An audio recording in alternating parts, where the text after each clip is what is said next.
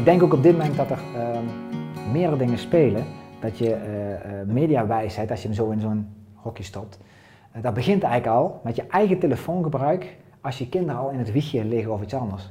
Als jij in dezelfde ruimte bent, of je kindje moet in slaap vallen en je zit op je telefoon een beetje te whatsappen of whatever, dan is er weinig aandacht, weinig connectie en dan Ja. praat je erover. En veel afleiding. En veel afleiding. En het kind krijgt dat mee.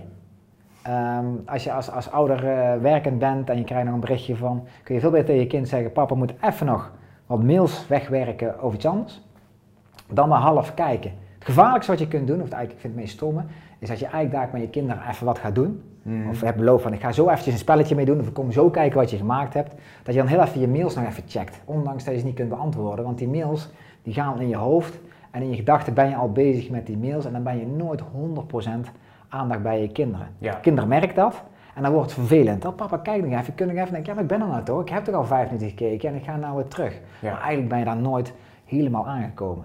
Dus dat is het voorbeeld van heel klein naar ouder, naar het punt eh, dat ze zelf een telefoon gaan gebruiken. Want vergeet niet dat ik ooit ouders zie, ja, doe je telefoon weg, doe je telefoon weg en vervolgens zie ik mama zelf op telefoon eh, Ja, ja, ja. staan. Dus, dus als je praat over gelijk en gelijkwaardig, hè, ik denk dat kinderen en ouders niet gelijk zijn als je praat over die. Die hebben andere eh, verantwoordelijkheden, andere bevoegdheden. Maar laat je daarin het goede voorbeeld geven, elkaar gelijkwaardig beantwoorden. En voorbeeldsgedrag vertonen. Ja, ik heb ook met mijn, eh, met mijn partner heb ik gewoon afgesproken, want soms zat ik even op Facebook of whatever, of mijn mails.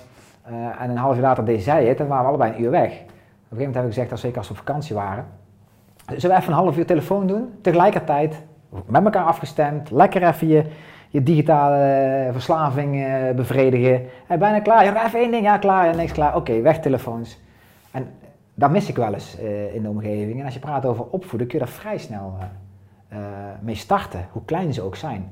En dan is de vraag van waarom geef ik een iPad of, of een telefoon? Is het afleiding? Heb ik zelf even geen tijd? Ja. Zijn er andere dingen? Ik zal niet zeggen dat het verkeerd is, maar als jij standaard als een kind jengelt, je telefoon al geeft, dat je anders denkt dat hij vervelend wordt, dan denk ik dat je de verkeerde dingen stimuleert. Ja, ja. En dan- dan komen kinderen op een bepaalde leeftijd. Dan zeggen ze kunnen zelfstandig het web afsurfen en ze kunnen filmpjes op YouTube bekijken die misschien inhoud hebben. Dat je zegt dat wil ik niet dat ze zien.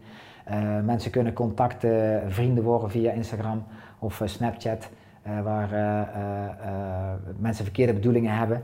Ehm, en het andere ding waar we in een eerder eh, interview over gehad hebben, dat er ook spellen zijn die weer, eh, waar ze elkaar kunnen pesten. Dus het is niet heel simpel van leg je eventjes uit en dan kom je precies op het punt dat veel ouders nog eigenlijk niet weten wat er allemaal kan. Ja. En dat je spellen kunt spelen met andere mensen over heel de wereld. Ja. En dat je op Snapchat punten krijgt als je, eh, of als je geen punten krijgt als je een dag er niet op zit.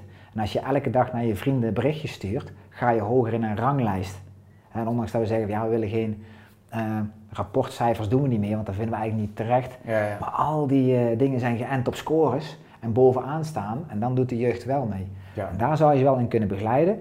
En ik denk dat je als ouder jezelf moet onderwijzen en bij moet blijven van wat kan dan mee.